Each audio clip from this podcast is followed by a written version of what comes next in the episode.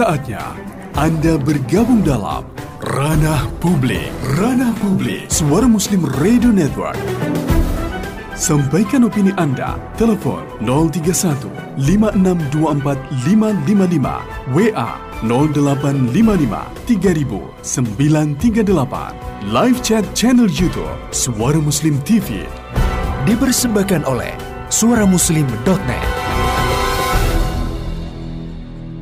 Assalamualaikum warahmatullahi wabarakatuh. Suara Muslim Radio Network Alhamdulillah hari Kamis Ini hari yang ke-21 di bulan Januari Bertepatan dengan hari yang ke-8 di bulan Jumadil Akhir di 1442 Hijriah. Dan Alhamdulillah di pagi hari ini Mitra Muslim kita bisa mengingat ya tanggalan atau kalender Hijriah ini berkat kalender suara Muslim. Bagi yang belum memilikinya silahkan paket beduk masih ada masih kami siapkan untuk Anda.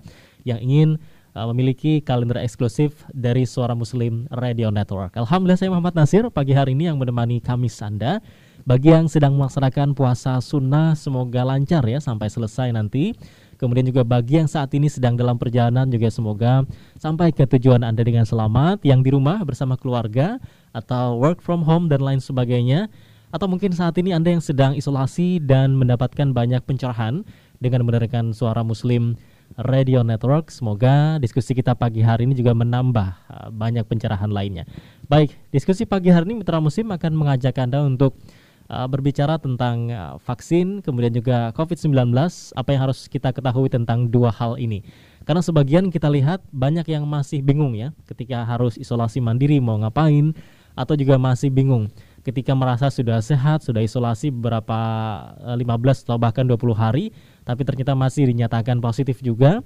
Isolasi lagi tes lagi positif juga. Nah ini ini kenapa begitu ya? Atau sekarang juga kita sudah masuki era vaksin sebagian dari tenaga kesehatan dan orang-orang yang prioritas juga sudah divaksin. Bagaimana dengan yang lain gitu ya? Kapan kebagian vaksinnya? Atau mungkin masih ragu? Nah daripada ragu Mari diskusi pagi hari ini dalam program Ranah Publik bersama Dr. Catur Priyambodo MKes, Direktur Rumah Sakit Aisyah Siti Fatimah Tulangan Sidoarjo. Ranah Publik. Ranah Publik.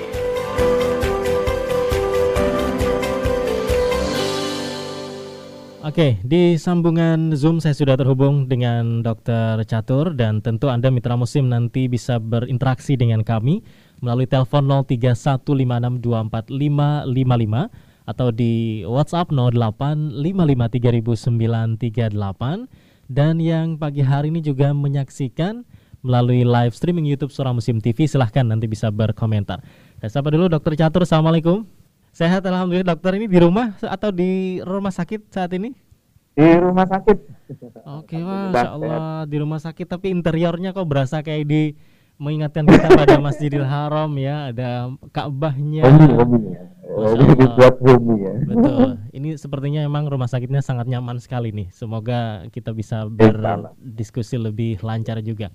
Dokter kalau bicara uh, vaksin ya, sebelum kita bicara tentang COVID dan sebagainya, ini kan tenaga kesehatan mendapatkan prioritas untuk mendapatkan vaksin pertama kali karena mereka garda terdepan. Di rumah sakit dokter di Siti Fatimah juga sudah uh, dilaksanakan atau masih menunggu? Ya, uh, jadwal kami tanggal Kamis tanggal 28 ya. Kamis itu ya 28 28 Januari ini. Berarti pekan depan ya, satu pekan lagi. Oke satu pekan ke depan. Oke, okay. ya, satu pekan. Mm -mm. Persiapannya gimana dokter? Apa ya biasa aja karena tiap hari kan juga nyuntik orang di sana. Oh, iya biasa biasa saja kan itu uh, memang ada beberapa syarat untuk pelayanan kesehatan hmm. yang uh, dijelaskan gitu ya, yeah. atau uh, permohonan ke dinas kesehatan setempat untuk menjadi tempat dilakukan vaksinasi. Mm -hmm. Oke, itu karena sudah sudah terpenuhi dan tinggal uh, menjalankan. Ya, ya, sudah terpenuhi dan tinggal dijalankan. Itu vaksin untuk tenaga kesehatan dan juga untuk yang masyarakat umum masih nunggu lebih lama lagi berarti. Ya, saat ini masih masih diprioritaskan nakes ya. Jadi hmm. memang memang peruntukannya untuk yang saat ini skala prioritasnya itu di nakes. Oke, skala prioritasnya di nakes. Ada gilirannya nanti seperti yang disampaikan di pada saya seperti yang disampaikan Pak Menkes itu nanti akan ada uh, timing tertentu untuk masyarakat luas. Hmm, hmm. Artinya saat ini apakah semua nakes itu juga akan eh, mendapatkan vaksin yang sama atau nanti ada pengecualian bagi nakes tertentu? Ya, jadi ada prasyarat. Yang pertama mengisi ya, ada ada isian yang harus diisi. Itu juga pada beberapa teman-teman hmm. ada yang kesulitan untuk registrasi. Tentu kaitannya dengan uh, sinyal dan seterusnya itu ya bisa, hmm. dikatakan seperti itu. Jadi kalau yang sudah registrasi nanti ada registrasi ulang kemudian nanti keluar semacam ada kayak barcode gitu itu terus ada jadwalnya ini nanti ada ada semacam itu nah, terus itu sudah ada jadwal nah itu pada saat mengisi mengisi eh, registrasi itu ada kondisi ada kondisi-kondisi tertentu yang uh, harus diisi di sana. Hmm. Kalau kemudian memasukkan misalkan yang menjadi bagian dari uh, yang menjadi bagian dari uh, eksklusi namanya, ada inklusi ada eksklusi gitu ya. Yeah. Yang menjadi bagian dari eksklusi itu, maka terus kemudian secara otomatis gitu, secara otomatis link itu tidak bisa dilanjutkan. Oke. Okay. Berarti Artinya nanti memang uh, untuk saat ini kami menyebutnya sebagai uh, kontra bukan kontra indikasi ya inklusi yang uh, tidak apa namanya ya tidak tidak apa bahwasanya yang tidak absolut nah, hmm. jadi hmm. itu bukan bukan tanda kutip kontraindikasi yang absolut gitu ya hmm. karena yang saat ini peruntukannya untuk nakes yang untuk nakes itu dengan syarat-syarat yang ada. Yeah. Kita paham karena memang uji klinisnya baru selesai dan memang baru diketemukan ada beberapa efek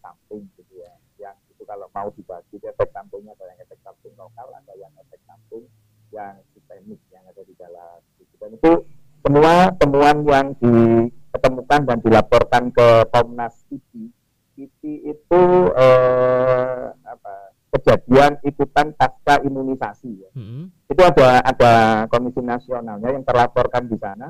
Itu rata-rata ringan-ringan semua dan tidak bahkan tidak memerlukan obat. Oke. Okay. Nah, jadi kondisi itu terus kemudian disikapi oleh TAPBI ya, Perhimpunan Ahli Penyakit Dalam Indonesia yang merilis merilis daftar-daftar penyakit-penyakit yang boleh tetap boleh dan ada yang memang tidak boleh. Hmm ada yang disebut layak, ada yang tidak layak. Yang ada ada listnya itu itu banyak. Ya. Asma gitu-gitu itu masih masih layak itu. Hmm. Yang tidak layak itu dengan gangguan jantung, eh, pernah terkena serangan jantung, terus gangguan autoimun itu juga hmm. tidak layak untuk divaksin sampai terus kemudian nanti memang ada data otentik yang membolehkan uh, kelainan-kelainan itu tadi. Hmm.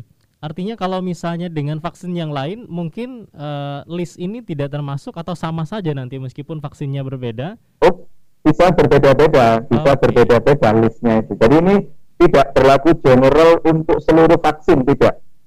Jadi ini berlaku khusus untuk yang uh, vaksin COVID-19. Hmm, yang saat ini sudah sampai dan disuntikan ke saat ini yang sudah disuntikan ya? ke nakes itu. Ya, dokter tadi menyebutkan ada kejadian ikutan pasca imunisasi, kemudian ada yang layak dan tidak layak. Ya. Uh, ini artinya iya. memang ya. sebenarnya su sudah aman ya, meskipun ada kejadian ikutan pasca imunisasi, tapi memang sudah aman vaksinnya. Aman, aman. Jadi uh, pada saat uh, eh, BPOM atau atau menyebut BPOM gitu ya, ya. itu sudah mengeluarkan rekomendasi untuk izin edar itu berarti sudah melewati fase uji klinis juga terus kemudian ada eh, kejadian ikutan ikutannya atas saja itu sudah sudah apa diteliti sudah dilaporkan hmm. dan kemudian akhirnya keluarlah izin edar itu hmm. di situ mengindikasikan bahwa eh, tingkat keamanannya sudah bisa dipertanggungjawabkan artinya efek samping efek samping yang timbul seperti yang dilaporkan di Komnas IPI tadi itu hmm. itu ringan-ringan saja dan kemudian tidak me, bahkan ada yang bahkan tidak membutuhkan obat gitu ya. Hmm. Jadi uh, apa misalkan nyeri di tempat nyeri di tempat itu kan itu kayak wajar sekali kan memang di apa ada jarum kecil yang masuk ke dalam uh, muskulus otot kita atau otot yeah. kita itu ya wajar kalau timbul nyeri di sana bahkan mungkin ada yang bengkak ada yang kemerahan itu ya sangat wajar itu bisa juga untuk uh, terjadi pada vaksin-vaksin uh, yang lain, vaksinasi yang lain. Oke. Okay. Kalau yang menyeluruh, menyeluruh atau disebut di dalam bahasa medis itu sistemik, hmm. itu ada semacam apa rasa capek gitu ya, ada fatik namanya, ada hmm. rasa capek, terus ada nyeri di ototnya itu, hmm. terus ada dilaporkan itu uh, demam. Oke. Okay. Ini tapi itu dalam kurun waktu sekian jam sudah hilang. Oke. Okay. Ini artinya yang terlaporkan. Uh, ini artinya uh, efek dari uh, apa namanya vaksin, vaksin tadi ini. hampir menyeluruh ke semua yang divaksin ya. Ada capek, nyeri otot dan demam itu. Oh enggak, enggak, atau... enggak. Namanya efek samping itu bisa muncul pada seseorang, bisa tidak. Oke. Okay. Baru baru saja, baru saja saya konfirmasi ke dokter Hud ya, dokter Hud itu uh, ini putranya Prof. Hanafi itu ya, hmm. uh, Nah, itu baru di ini juga baru divaksin saya tanya ke beliau hmm. apa keluhannya? Aku kok gak ngerasa nopo apa nggak ada keluhan. Terus keluhan yang apa yang muncul apa? Nggak ada keluhan itu. Yang ada yang muncul itu was was jadi was was waktu mau divaksin. Was was kenapa ya? padahal kan harusnya sudah ya. yakin nih nggak usah was was lagi betul tapi namanya happy itu kan ya nggak bisa nggak bisa dibohongi ya, ya walaupun sudah tahu detail ininya macam-macam terkait dengan itu bahwa aman sudah keluar macam-macam hmm. dari uh, eh, BPOM itu ya masih ada umumnya disuntik ya. Ya dokter itu ada tapi disuntik juga loh. meskipun dokter. Walaupun beliau nyuntik. Iya iya meskipun dokter ya yang biasanya. Lebih ke arah itu, hmm. lebih ke arah itu. Hmm. Dokter Catur kalau misalnya ada tadi yang disebut kejadian ikutan pasca imunisasi yang mungkin mungkin ya kita kan tentu tidak tahu uh, kemudian fatal itu ada pertanggungjawaban dari dari mana nantinya? Untuk oh, ada di, di pemerintah ada makanya dimunculkan Komnas KIPI itu. Jadi nanti kalau ada kejadian ikutan pasca imunisasi itu hmm. ada data laporannya. Jadi ada laporannya terus kita laporkan ke Dinkes termasuk juga dengan nanti ada tindak lanjut untuk yang bersangkutan hmm. apa pun uh, yang terjadi itu menjadi tanggung jawab pemerintah. Okay. Selama ini seperti itu. Jadi kalau, silakan. Kalau terjadi kejadian. Jadi silakan dilaporkan, kemudian nanti itu akan ditindaklanjuti. Akan ada tindak lanjut, betul, okay. oleh dinas kesehatan hmm. melalui jejaringnya. Nanti bisa saja uh, di puskesmas atau tindak lanjutnya maksudnya hmm. bisa saja melalui puskesmas atau rumah sakit. Makanya kalau untuk yang mereka yang uh, fasilitas pelayanan kesehatan Hmm. yang memberi uh, vaksin ini ada syarat-syaratnya itu. Salah satunya bisa segera menghandle apabila terjadi uh, kejadian ikutan pasca imunisasi itu. Hmm, oke. Okay. Dan di rumah sakit dokter sendiri apakah nanti akan menjadi rumah sakit yang memberikan vaksin atau masih proses? Yeah, yeah. kita sudah sudah mendaftarkan ke dinas kesehatan. Jadi ada dua dua jalan. Hmm. Ada yang langsung ditunjuk oleh dinas kesehatan setempat, hmm. ada yang mengajukan untuk bisa menjadi bagian dari uh, pemberi pelayanan kesehatan itu, pelayanan kesehatan yang memberi uh, vaksinasi. Hmm. Oke. Okay. Nanti dikoordinir oleh dinas kesehatan. Iya, dokter kan kita juga banyak menerima di media sosial, di uh, grup-grup perpesanan begitu ya, hal-hal yang berhubungan dengan uh, vaksin ini, termasuk uh, itu katanya habis divaksin kemudian uh, sakit-sakit pingsan padahal ternyata bukan kasusnya berbeda bukan yang sekarang gitu ya karena kan orang umum gitu ya. orang umum masih belum divaksin kok tiba-tiba ada satu uh, komunitas tertentu gitu ya nah ini kan iya. bagian dari upaya mungkin kita pikir yang menghambat begitu proses penerimaan masyarakat, kepercayaan masyarakat yeah. atas vaksin itu sendiri. Nah, bagaimana cara untuk yeah. uh, meningkatkan kepercayaan tersebut agar ini vaksin perlu perlu untuk masyarakat dan kita untuk menghadapi pandemi ini, COVID ini. Ya. Jadi memang e, sosialisasi itu sesungguhnya memang sudah dilakukan oleh dinas kesehatan e, provinsi, hmm. dinas kesehatan kabupaten kota itu sesungguhnya sudah dilakukan. Ya. Termasuk kami, kami ini yang di rumah sakit Aisyah Siti Fatimah Tulangan itu membuat flyer, selalu membuat flyer. Mungkin Mas Asir bisa melihat status WA saya ya. Iya. Saya itu uh, ada penjelasan tentang uh, vaksin itu. Okay. Jadi itu upaya-upaya yang memang bisa dilakukan. Termasuk pada saat ini uh, suara Muslim terus membuat acara ini untuk hmm. suara Muslim. itu menjadi bagian penting untuk mensosialisasikan ini. Kenapa? Karena salah satunya ada banyak atau cukup banyak ya, cukup banyak hoax yang beredar terkait dengan vaksinasi ini. Hmm. Ya. Ada beberapa hal yang memang bisa dijelaskan. Dan itu kemudian ada ada apa video video balasan itu anda tutup ya. Yeah. Video kemudian menjawab segala aspek terkait dengan video yang beredar itu. Hmm. Misal, misal ya mohon maaf, barangkali yang yang akhirnya salah satunya menyebabkan ada tanda kutip ketidakpercayaan masyarakat kepada hmm. program vaksinasi yang dijalankan oleh pemerintah ini itu pada saat uh, Pak Presiden di divaksin. Yeah. Ya, mungkin mungkin itu poin apa cut off-nya ya, Betul. itu poin-poin penting pada titik itu yang terus kemudian masyarakat semakin yang yang tidak percaya semakin tidak percaya. Yeah.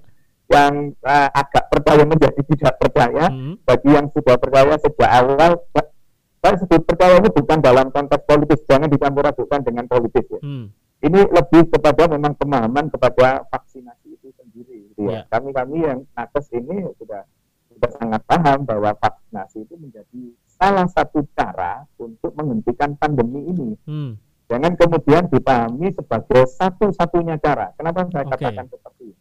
Karena ada beberapa pihak yang uh, saya dapat laporan dari teman-teman yang di yang di pelabuhan maupun yang di bandara, hmm. itu karena merasa sudah divaksin pada saat diminta untuk tes PCR, menunjukkan tes PCR-nya atau menunjukkan rapid antigennya, hmm. mau. Saya sudah divaksin kok, sudah tidak ada. Hmm. COVID di dalam diri saya ini sudah tidak ada, sudah dibunuh sama vaksinnya itu. Nah, ini pemahaman yang salah pemahaman yang salah di masyarakat muncul karena belum mendapatkan sosialisasi yang baik. Iya, Termasuk iya. kemudian pada saat presiden di uh, vaksin itu. Nah, ada banyak yang beredar yang hoax itu. Pertama, misalkan terkait dengan jarum, ya. Jarum yang dilihat ujungnya birunya itu uh, Mas Asif tahu tak video itu? Tahu juga? Iya, sangat ramai sekali pembahasannya. Ya, video yang yang dilihat birunya itu ya. Hmm, hmm. Dilihat birunya pada saat disuntikan, tuh kan lihat itu birunya nggak nggak geser sama sekali. Hmm. Berarti itu belum disuntikkan itu vaksinnya. Ya, ada yang berpendapat seperti itu. Yeah. Padahal jarum suntik itu isinya sudah keluar atau belum itu bukan dilihat dari birunya. Kenapa? Karena birunya itu menjadi bagian dari suntiknya, menjadi bagian dari jarumnya. Yang dilihat itu hitamnya. Yeah. Yeah jadi hitamnya yang yang di atas itu terus kemudian diinjeksikan thread, hitamnya bergeser turun ke bawah. Kalau ini misalkan menghadap ke bawah, hmm. turun ke bawah. Terus kemudian e, birunya ya pasti akan tetap karena itu jarum. Hmm. Nah itu menjawab yang birunya itu. Kalau ada lagi yang ramai juga yang bisa menyebabkan ketidakpercayaan adalah padahal ini kan mestinya Sinovac ini disuntikannya IM dalam bahasa medis itu intramuskuler. Hmm. Intramuskuler itu harus kena otot. Oke. Okay. Maka terus ada yang berpendapat betul harus kena otot. Nyuntiknya itu mestinya 90 derajat. Oh, tidak arah. miring seperti itu, gitu kan? Oke. Okay. Jadi ini ini ini lengannya ya nyuntiknya harus lurus dulu, tidak lurus 90 derajat. Terus uh. ini baru masuk ke ototnya. Kenapa? Karena memang ada uh, beberapa bagian antara kulit dan otot itu. Sementara yang dipakai injeksi itu adalah jarumnya yang jarum kecil, untuk hmm. jarum yang setengah atau satu cc itu. Nah, bagi bagi medis ya bagi medis yang di luar posisi politis seperti itu agak miring pun pokoknya nyampe di muskulus nyampe di otot tidak masalah. Kenapa kok agak miring prof? Prof apa itu namanya prof? Mutalib ya. Prof mutalib ya. ya itu agak miring itu karena Pak Presiden itu kurus ya Pak Presiden itu kurus maka kulitnya langsung Gambarnya seperti itu umum awamnya ya. Kulitnya tidak terlalu banyak bagian-bagian yang memisahkan dengan otot. Jadi miring sedikit pun itu masih Sudah bisa kena otot. Oke. Okay. Baik. Betul, masih intramuskuler. Ya. Dokter Catur ini sudah ada yang bergabung. Ibu Majid kita sapa dulu ya. Ya, silakan. Oke. Assalamualaikum Bu Majid. Waalaikumsalam warahmatullahi wabarakatuh. Ustadz Nasir nggak keliru ya? Iya betul, Ibu silahkan. Ya, yang terhormat Matur nuwun Mbak Elsa dan Ustaz Nasir. Yang terhormat Dr. Catur Priambodo, MKes Direktur Rumah Sakit Aisyah Siti Fatimah Tulangan Sidoarjo. Hmm. Ini pro, gini dok, ya. Tadi kan dokter ngendikan begini, otot-ototnya itu loh terasa kalau saya sudah disuntik. Bagaimana dok kalau sebelum suntik itu minum paracetamol? Bagaimana dok? Apakah mengurangi mengurangi apa khasiat dari vaksinasi itu? Oke. Kalau Oh, misalnya minum, gitu. Iya, nanti iya. dulu ada yang kedua, dok. Nah, Iya, apakah lansia juga disuntik? Ibu- Enggak ya dok ya? Ibu Majid usianya berapa Ibu? Delap, 78, 9 bulan. 78. Oke. 9 Masih bulan. kelihatan seperti 27 gitu. Suaranya Masih seperti kelihatan 27. seperti 27 suaranya. anu lebihnya baru 28 tahun 9 bulan lebihnya ditambah plus 50. Mm, mm, mm, Masya Allah. Matur bantu Nggih, sama-sama, Ibu. Salam barakatuh. Waalaikumsalam warahmatullahi wabarakatuh. Kita jawab ini dokter dokter ya. Eh, penggunaan paracetamol, kemudian tadi usia Ibu Majid 78. Apakah vaksin 78, yang ya. yang ini atau mungkin vaksin yang berbeda nanti? Ya. Jadi kalau untuk penggunaan paracetamol, yang pertama itu ada ada dua aspek barangkali ya Hmm. eh, yang menanyakan tentang paracetamol. Apakah paracetamolnya nanti mempengaruhi kerja vaksinnya, gitu kan? Ya. Oh tidak. Terus yang kedua tidak, itu jawabannya tidak. Yang kedua, apakah dengan minum paracetamol dulu nanti nyerinya bisa bisa hilang? Hmm. Ya. Eh, pemakaian obat-obatan apa pun bentuknya itu harus dengan indikasi yang benar Mm-mm.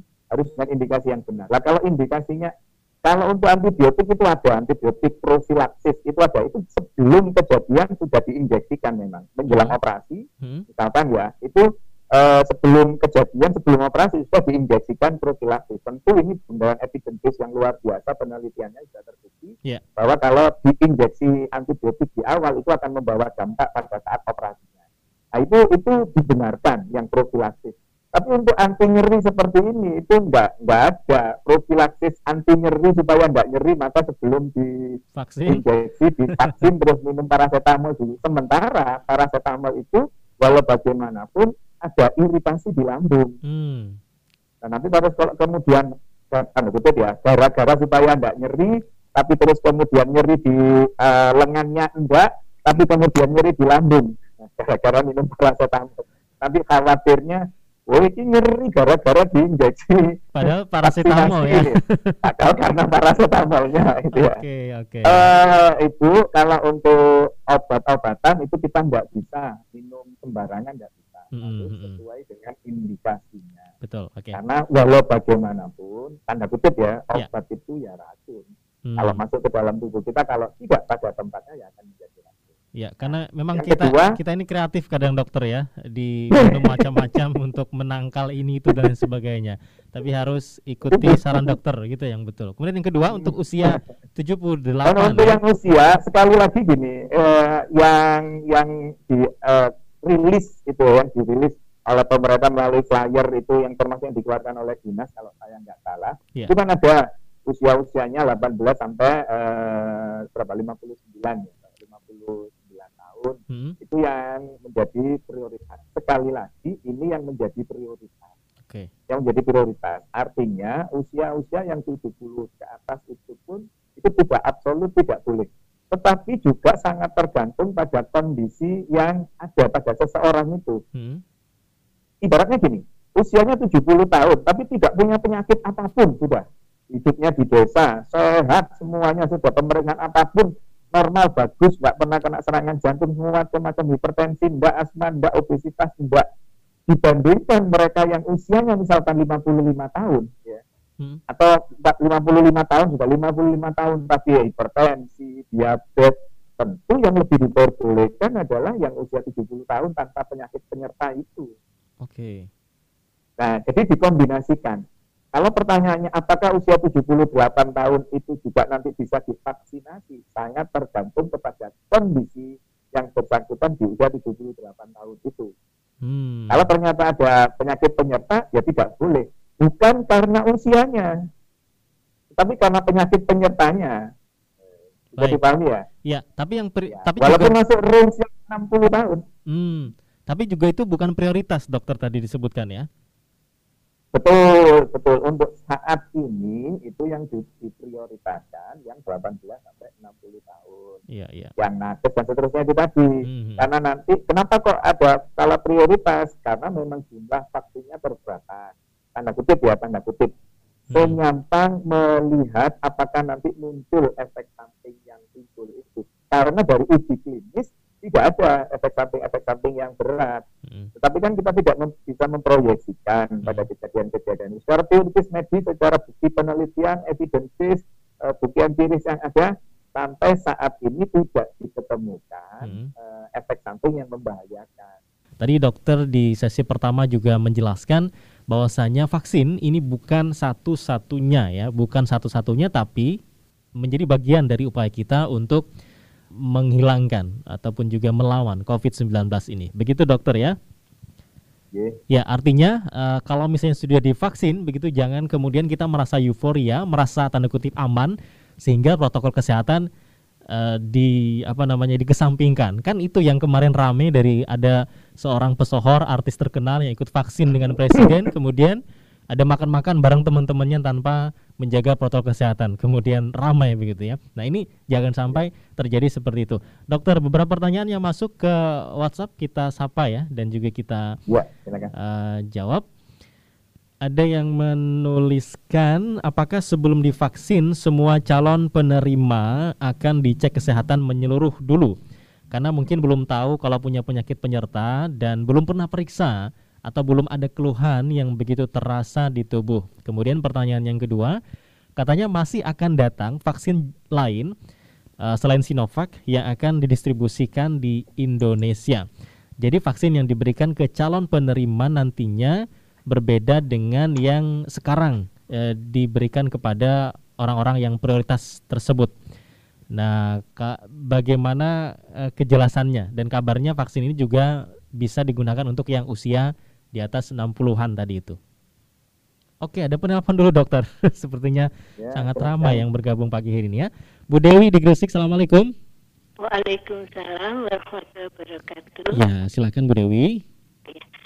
Assalamualaikum dokter. Waalaikumsalam wabarakatuh. Saya mau nanya, kenapa yang untuk usia di atas 50 tahun tidak dianjurkan -hmm. vaksinasi? Oke. Okay. sudah ada kekebalan atau bagaimana? Mm-hmm. Ya, gitu aja. Baik, ya. Penjelasannya. Oke, ditunggu Ibu Dewi. Waalaikumsalam warahmatullahi wabarakatuh. Ini kayaknya bisa langsung digabung juga Dokter Catur uh, uh, jawabannya dengan yang WhatsApp tadi.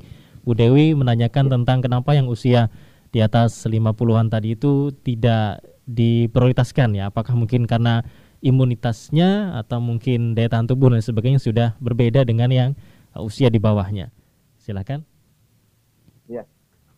Jadi mungkin diralat sedikit bahwa hmm. yang di atas 60 bukan di atas 50. Di atas Artinya 60. Kalau 55, 58 itu boleh masih menjadi uh, skala prioritas yang nakes itu tadi. Jadi ada ada dua aspek sebenarnya. Hmm. Nakes dengan persyaratan secara umum itu kalau di awal tahap awal ini nakes dan persyaratan umumnya untuk di nakes ini walaupun itu bersifat general itu sudah terpenuhi ya tidak masalah hmm. maka pada saat uh, pengisian itu harus jujur di sana hmm.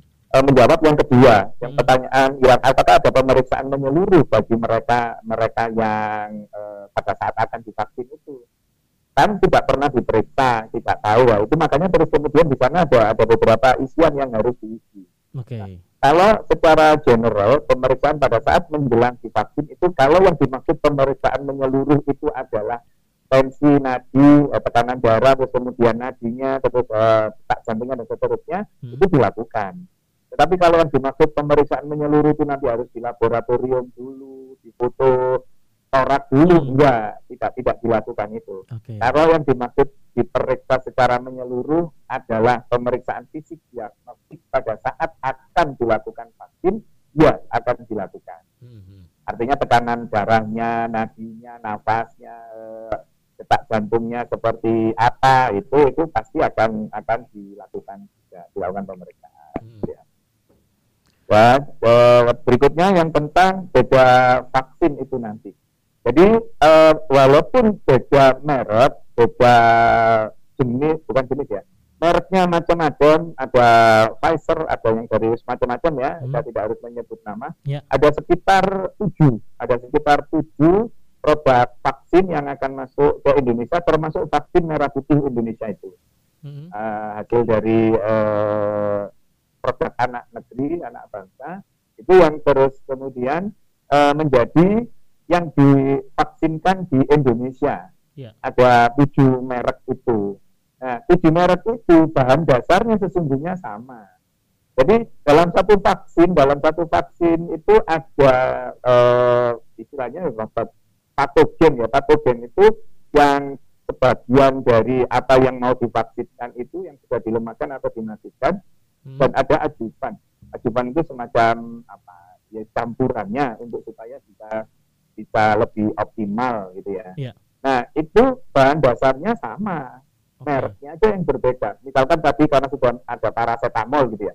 Paracetamol itu ada yang namanya Bodrek, ada yang namanya Paramed, ada yang namanya apa lagi? Produsennya uh, berbeda dokter ya. Nah, hmm. isinya sama-sama paracetamol, tapi mereknya macam-macam. Hmm. Nah, untuk vaksin dengan berbagai merek itu tetap pada saat masuk ke Indonesia ya. melalui fase-fase itu tetap nanti BPOM yang, yang meneliti MUI apakah tingkat kehalalnya seperti apa tetap hmm. harus melalui dua tahap di Indonesia maksud saya terkait dengan perizinannya kalau uji klinisnya sudah selesai ya sudah selesai maka terus kemudian mendapat izin edar dari BPOM dan mendapat sertifikasi halal dari MUI harus bisa dilaunching hmm. seperti itu oke okay. ya nah sekarang masuk ke uh, COVID yang ada juga banyak pertanyaan termasuk uh, dialami oleh teman-teman kita, Dokter Catur.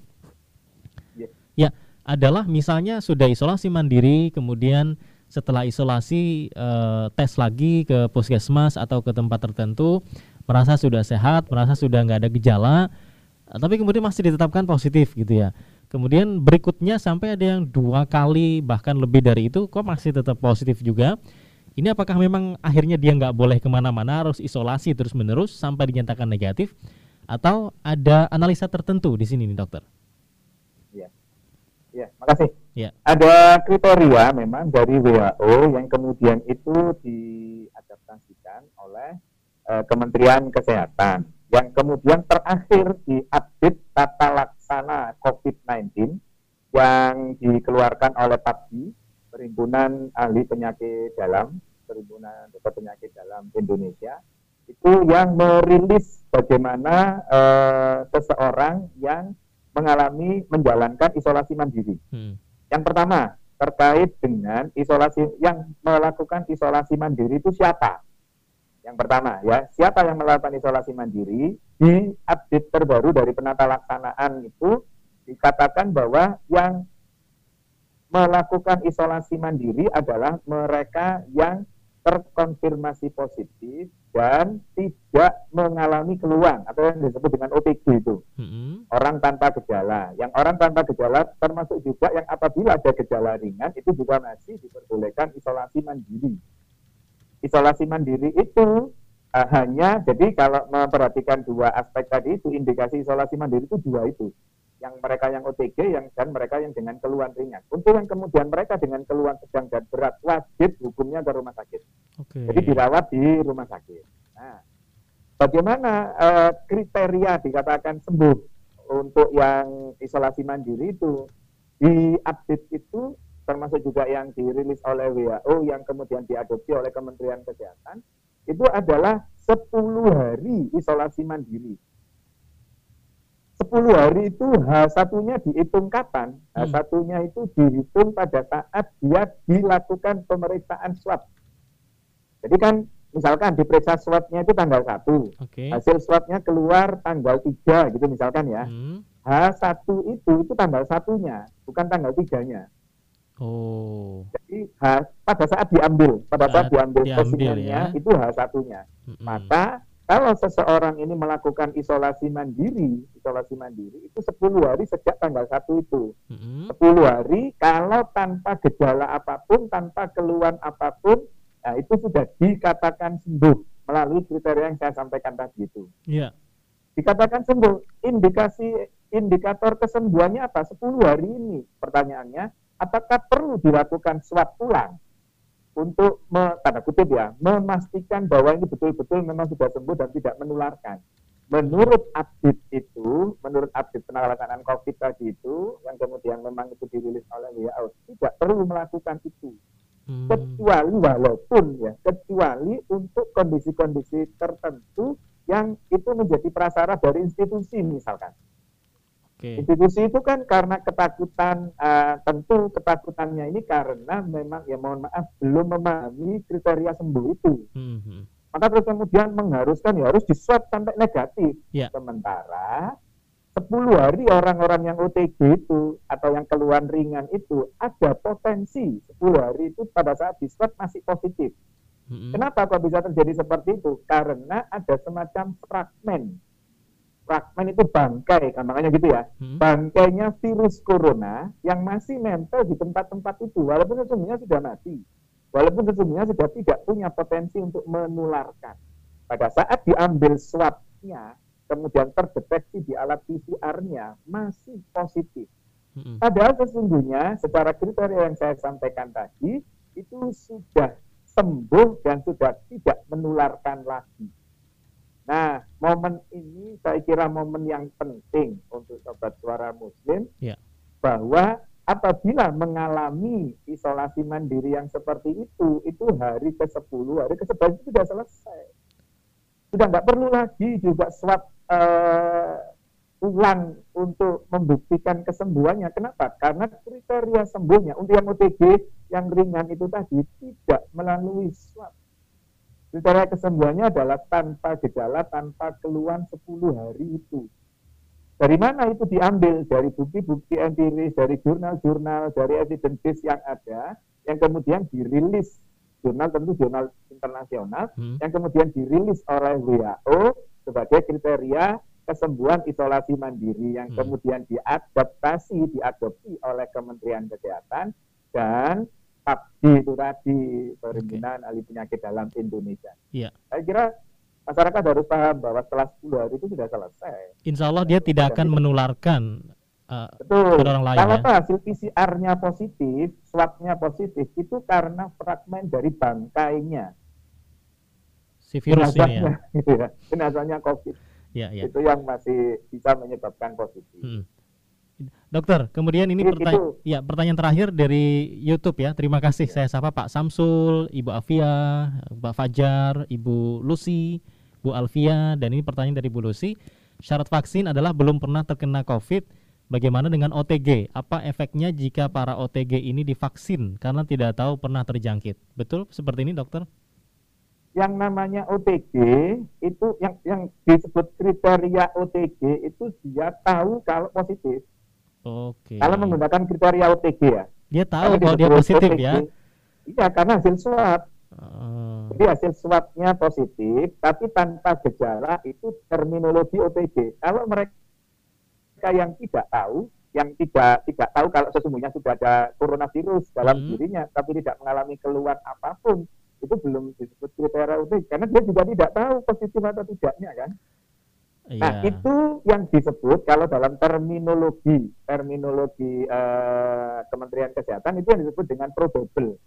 Hmm. Ada probable, ada kontak erat, ada suspek. Itu masing-masing itu ada ada kriterianya, ada uh, definisinya masing-masing. Hmm.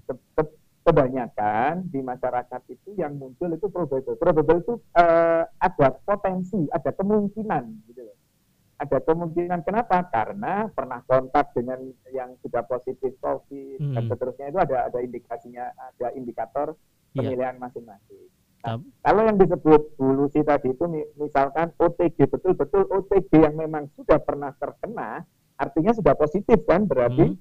swabnya sudah keluar positif, terus kemudian dia OTG untuk saat ini memang tidak diprioritaskan untuk uh, vaksin itu. Kenapa? Karena ada penelitian-penelitian yang mengatakan hmm. bahwa mereka yang sudah terkena COVID-19 ini, walaupun OTG itu sudah timbul kekebalan.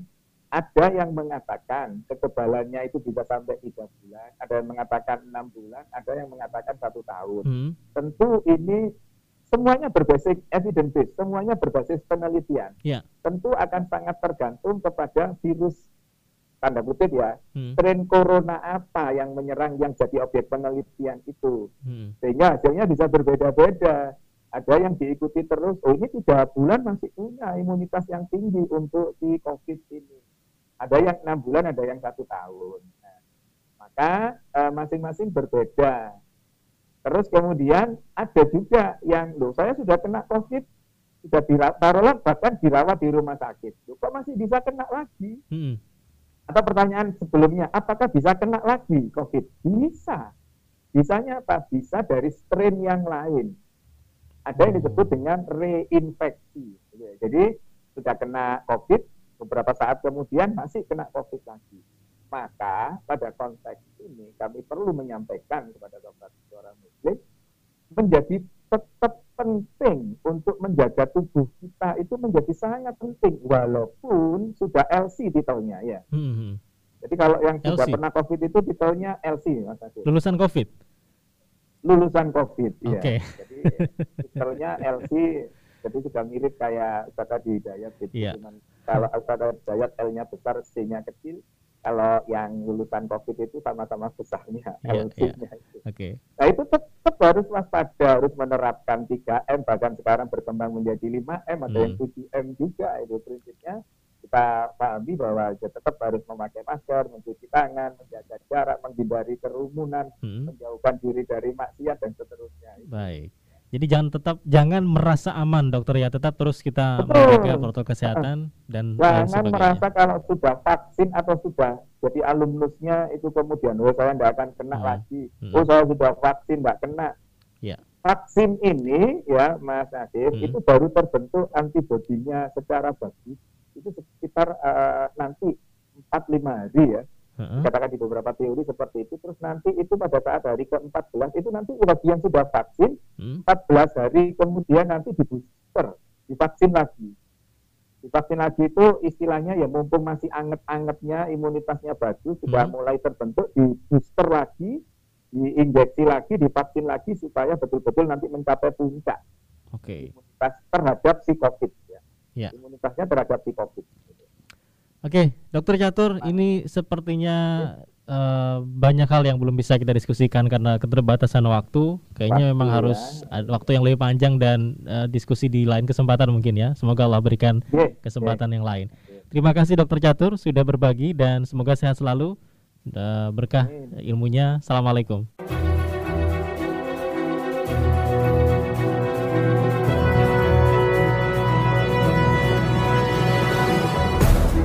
Terima kasih. Anda telah mengikuti Ranah Publik. Ranah Publik. Suara Muslim Radio Network. Dipersembahkan oleh suaramuslim.net. Sampai jumpa di Ranah Publik berikutnya.